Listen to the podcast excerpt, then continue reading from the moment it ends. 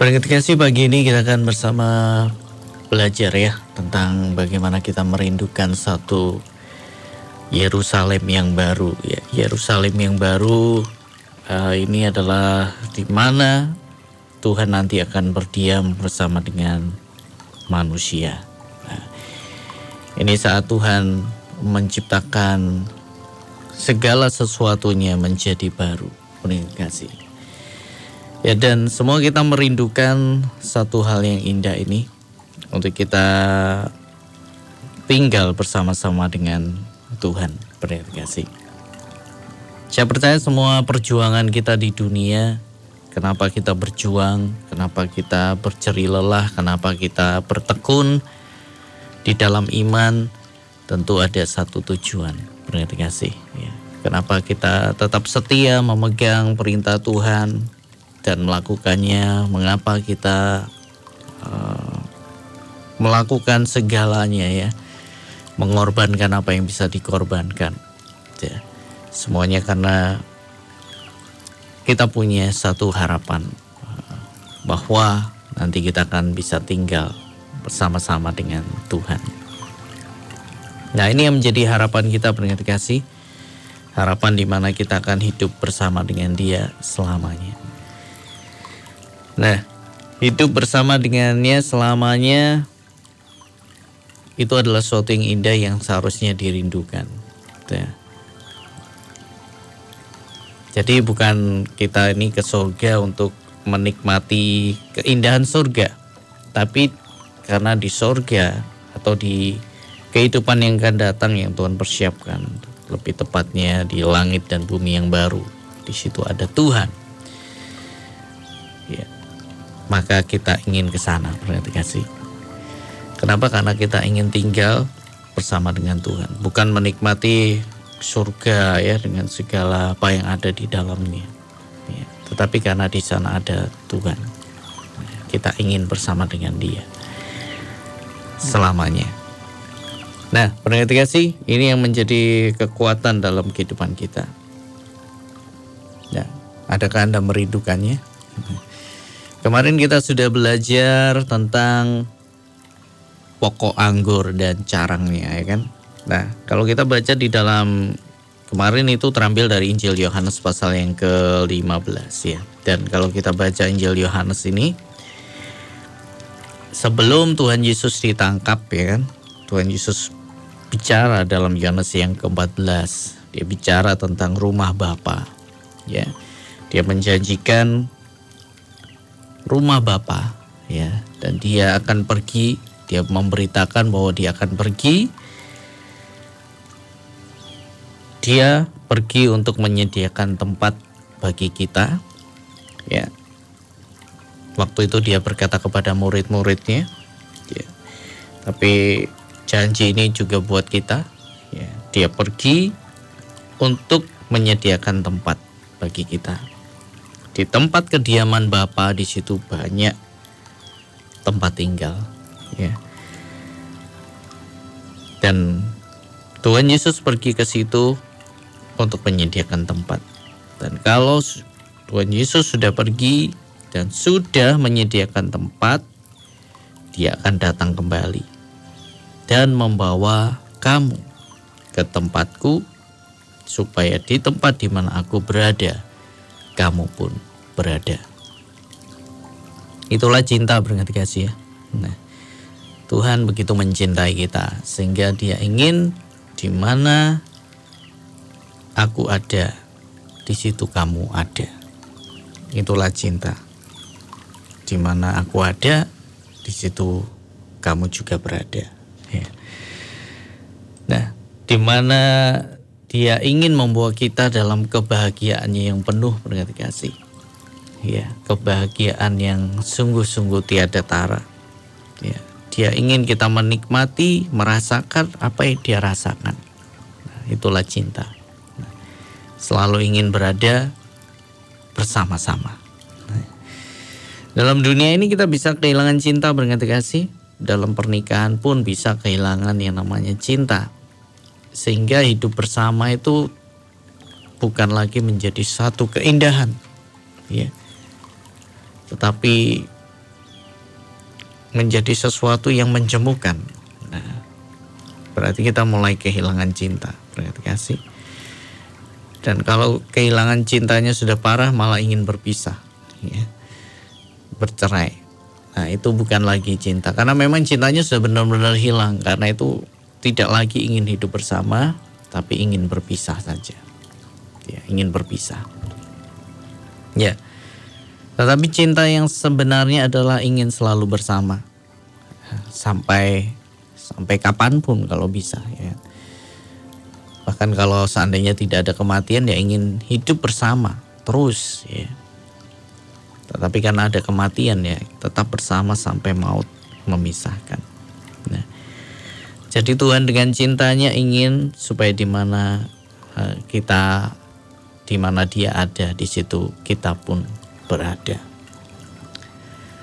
Ya, sama seperti pokok anggur ya dan carangnya. Ketika kita melekat ya benar-benar lewat pengorbanan Tuhan kita dicangkokkan ya. Kan. Kita ini merasakan apa yang Tuhan rasakan begitu ya. Kita bisa menerima aliran kasihnya. Nah, nah. Tuhan ingin kita merasakan apa yang dia rasakan gitu kasih. Jadi ketika kita melekat ya berarti kita tinggal bersama dengan Tuhan. Karena itu jangan pernah mau dipisahkan. Tetap cinta Tuhan jangan biarkan apa pun memudarkan cinta kita kepada Tuhan sehingga kita ingin melepaskan diri dari Tuhan.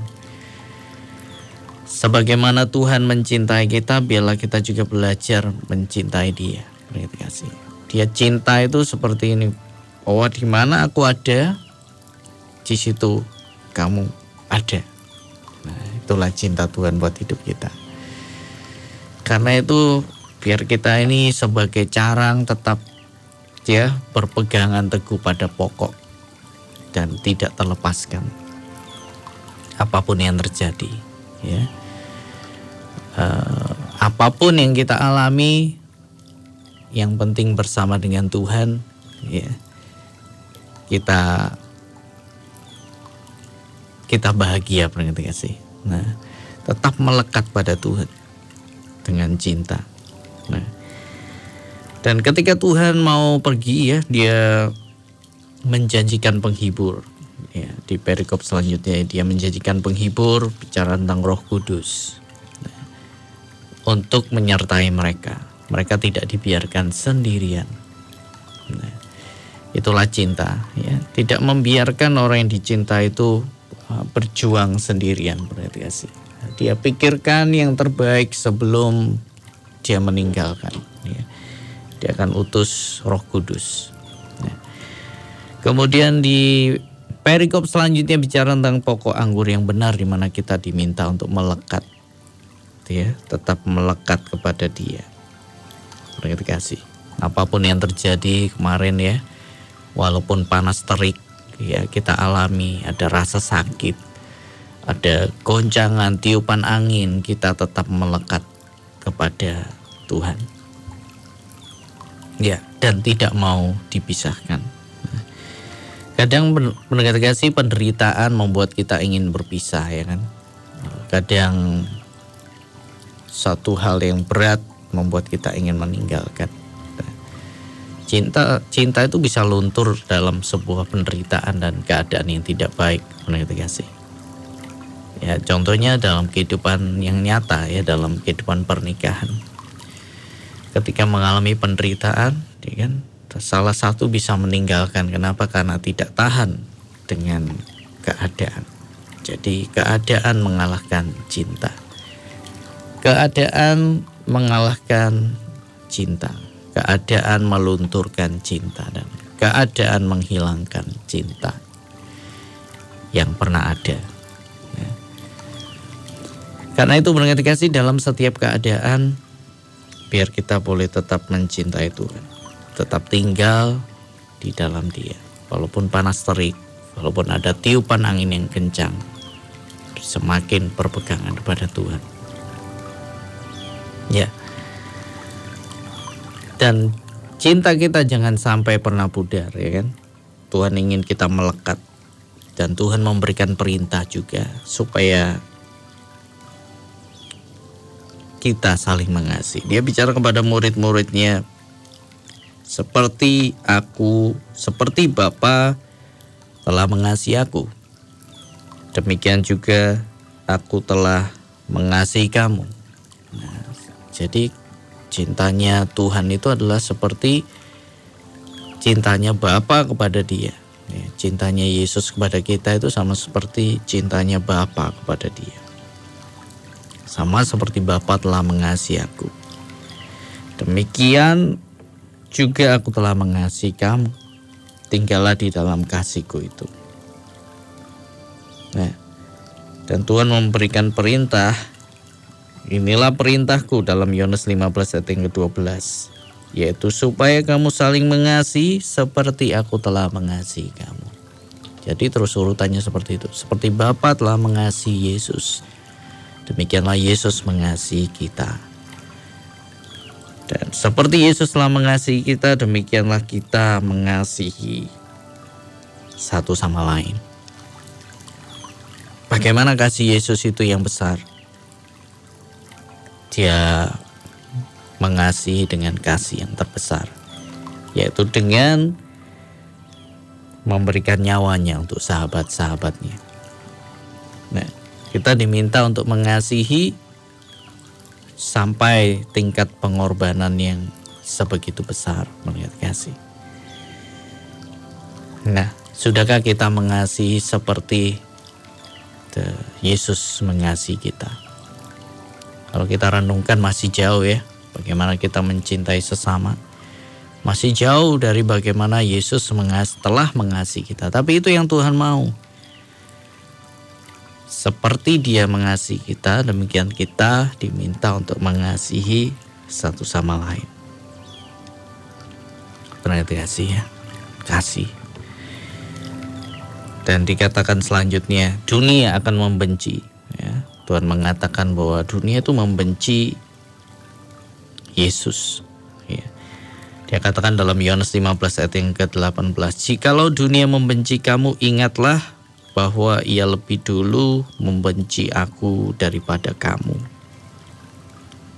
Ya, karena dia bukan dari dunia. Nah. Jadi dunia akan membenci kita mendengar kasih. Tuhan sudah mengatakan itu. Ya. Ingat kalau dunia benci kamu, ingat bahwa mereka lebih dulu membenci aku ya. Jikalau dunia membenci kamu, ingatlah bahwa ia lebih dulu membenci aku daripada kamu. Nah, kemudian di perikop selanjutnya Tuhan nasihatkan kita untuk bertekun. Ya, bertekun Semuanya ini kukatakan kepadamu dalam Yohanes yang ke-16 ayat yang ke-1. Semuanya ini kukatakan kepadamu supaya kamu jangan kecewa dan menolak aku. Kamu akan dikucilkan, bahkan akan ada saatnya bahwa setiap orang yang membunuh kamu akan menyangka bahwa ia berbuat bakti bagi Allah. Tuhan katakan di awal, karena ada penderitaan, ya. Eh, kamu akan dikucilkan bahkan ada yang dibunuh. Semuanya ini kukatakan supaya kamu jangan kecewa dan menolak aku. Ya kan? Ini bicara tentang sebuah penderitaan sebuah keadaan yang berat ya.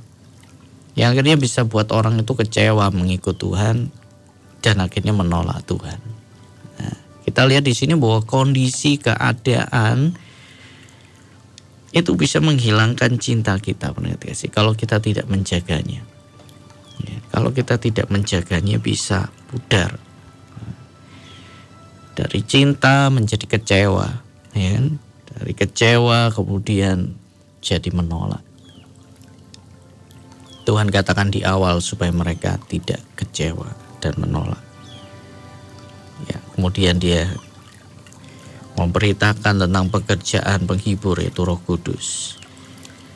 Dan Tuhan memberikan harapan ya, duka cita yang mendahului kemenangan. dalam Yohanes 16 ayat yang ke-16 tinggal sesaat saja dan kamu tidak melihat aku lagi dan tinggal sesaat saja pula dan kamu akan melihat aku duka cita yang mendahului kemenangan setelah itu Tuhan Yesus berdoa dan Tuhan Yesus ditangkap jadi di sini ada satu pesan penting sebelum dia meninggalkan ya sama seperti orang yang mau meninggal, biasanya ada pesan-pesan penting yang disampaikan. Dan seperti ini juga apa yang disampaikan uh, Tuhan bahwa Dia ingin supaya di mana pun Dia berada kita ada, biar kita selalu melekat ya kepada Dia, walaupun kita dikucilkan, bisa jadi Anda mengikut Tuhan Anda dikucilkan, Anda dibenci, tidak dinaik-naikkan jabatan ya kan atau banyak hal yang lain berarti kasih. Anda menghadapi panas terik matahari ikut Tuhan kok malah seperti ini ya. Anda menghadapi angin yang kencang yang berusaha melepaskan pegangan Anda dari pokok anggur ya. Tetap bertahan ya. Atau Anda mengalami satu hal yang tidak mengenakan. Nah, ingat tetap eh, melekat kepada Tuhan sehingga kita tetap bisa merasakan aliran kasihnya. Sehingga kita tidak kehilangan cinta di dalam penderitaan.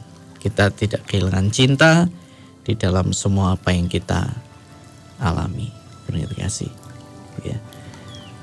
Dan Tuhan sudah memberikan penghibur, nolong untuk kita bertekun sampai akhir dan nantinya kita akan bersama-sama dengan Tuhan, tinggal bersama dengan Dia selamanya. Nah, hari ini berarti kasih masih adakah cinta kita kepada Tuhan? Masih adakah kerinduan kita ini untuk kita tinggal bersama dengan Tuhan selamanya? Kalau tidak ada lagi ya saya tidak tahu ya bagaimana kasih. Jangan sampai kita kehilangan kerinduan untuk tinggal bersama dengan Tuhan selamanya. Kan? Karena kita nanti diibaratkan seperti uh, ada perjamuan kawin, ya kan? Kita ini sudah dipertunangkan, kemudian kita akan ada pernikahan gambaran ya. Penyatuan Kristus dengan jemaat. Setelah itu tinggal bersama selamanya. Luar biasa. Dan selama kita di dunia kita sudah bisa merasakan betapa indahnya hidup bersama dengan Dia. Tetap melekat. Saat kita tetap melekat apa pun yang terjadi kita akan merasakan bahwa tetap ada keindahan dalam setiap situasi yang kita hadapi. kasih, tetap melekat kepada Tuhan. Jangan pernah ingin berpisah dari Tuhan.